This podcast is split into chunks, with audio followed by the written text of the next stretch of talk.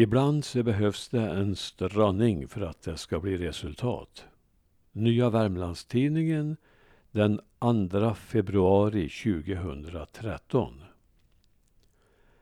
En melodi som alla medelålders och äldre svenskar känner igen är Sankt Örjanslåten. Åren 1937 till 70 spelades den varje dag i radio i samband med tolvslaget. Melodin klingade fram från ett klockspel i Stadshustornet i Stockholm. Fortfarande spelas Örjanslåten för de stockholmare och turister som finns inom hörhåll klockan 12 och klockan 18 varje dag. Men radiosändningarna har upphört.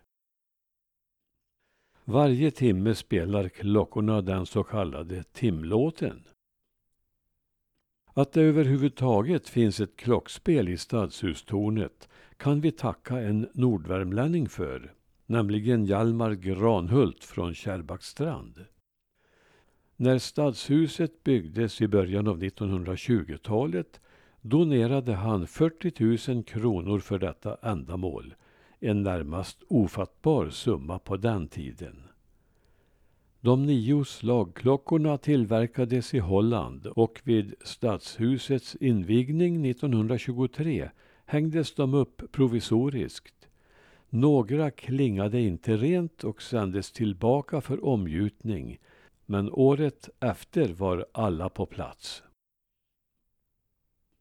Hjalmar kom från den välbärgade skogsgården Granhult varifrån han tog sitt efternamn men faktiskt var det inte av de ärvda medlen därifrån han betalade klockspelet, utan från en rikedom han själv byggde upp.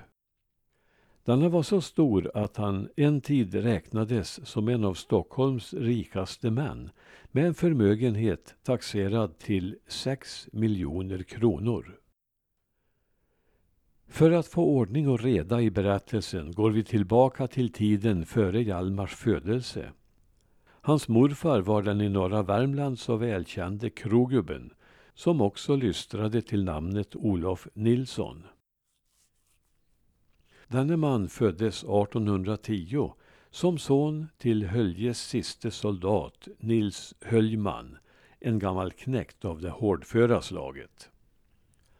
Olof växte upp och visade stor talang för affärer och köpte marken där han 1840 byggde upp sin gård Granhult.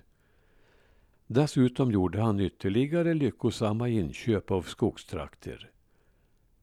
Detta var under den tid den stora skogskommersen gick fram som en farsot i norra Värmland och Olof hade sitt finger med i spelet som hjälpande och säkert ofta hård hand i flera köp.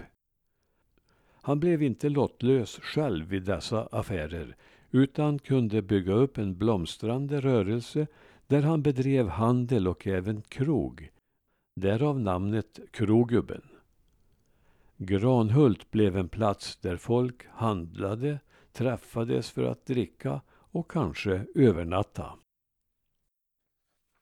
Krogubben skaffade sig en position där han fick stort inflytande i bygden och författaren Gustav Skröder, som själv övernattat på Granhult, beskrev honom som en hövding som styrde och ställde med folket och försåg dem med arbete. Han fick med tiden ihop en ansenlig förmögenhet. Olof och hans fru Lisa fick barnen Britta 1834, Nils 1835, Karin 1841, Per 1843, Marit 1846, Olov 1849, Jons eller Jon 1851 och Lisa 1854.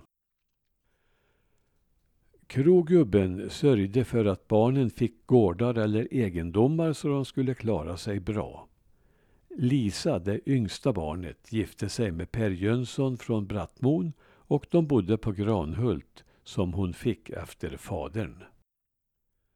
Per visade sig vara en affärsbegåvning i stil med svärfadern och tillsammans byggde Lisa och Per vidare på sin förmögenhet. Per reste en gång till Oslo för att göra ett egendomsköp och hade då med sig 30 000 kronor i kappsäcken. Det var en oerhört stor summa på 1800-talet som de norska ägarna av egendomen krävde för att fortsätta diskussionerna. Väl framme blev Per betänksam. Tänk om någon tog pengarna när han sov på hotellet. Då kom han på hur han skulle få en säker övernattning. Han gick ut på gatan och slog sönder ett skyltfönster vilket ledde till att han blev inspärrad i fängelse över natten. Poliserna blev förstås misstänksamma när de såg vad kappsäcken innehöll men fick lugnande försäkringar från svenska bankfolk. Per släpptes och betalade för det sönderslagna fönstret men nekades att betala för mat och logi. Egendomsaffären blev också lyckligt genomförd. Per och Lisa fick sex barn och äldst av dessa var Hjalmar, född 1882. Så är vi tillbaka vid vår ursprungliga berättelse.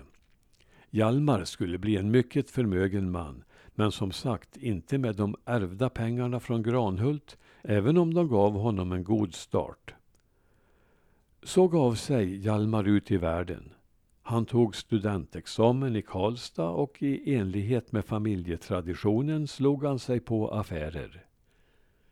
Där lyckades han bättre än på kärlekens område för det första äktenskapet med en dansk aktris med dyra vanor slutade med att det hoptjänade guldet blev till sand. Han återvände till hembygden men ville inte belasta föräldrarna med sina pengabekymmer utan vände sig till en bekant till fadern, Persbon i Höljes. När Hjalmar kom dit satt Persbon i vardagsrummet och spelade kort med några vänner.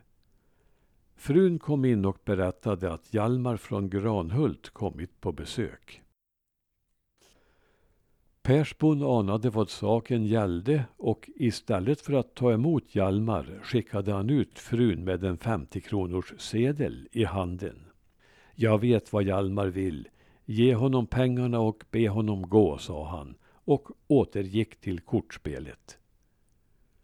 Hjalmar tackade frun för vänligheten men stoltheten hade fått en knäck av Persbons uppträdande.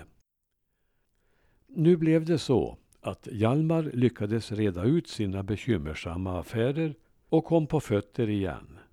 Han kunde betala tillbaka sin skuld till Persbon redan kommande jul och sedan fortsatte han att skicka till honom en femtiolapp varje jul med tack för lånet. Hjalmar gifte nu om sig med en kvinna från Stockholm men oturen med kärleken höll i sig. Det slutade också nu i skilsmässa och stora utgifter.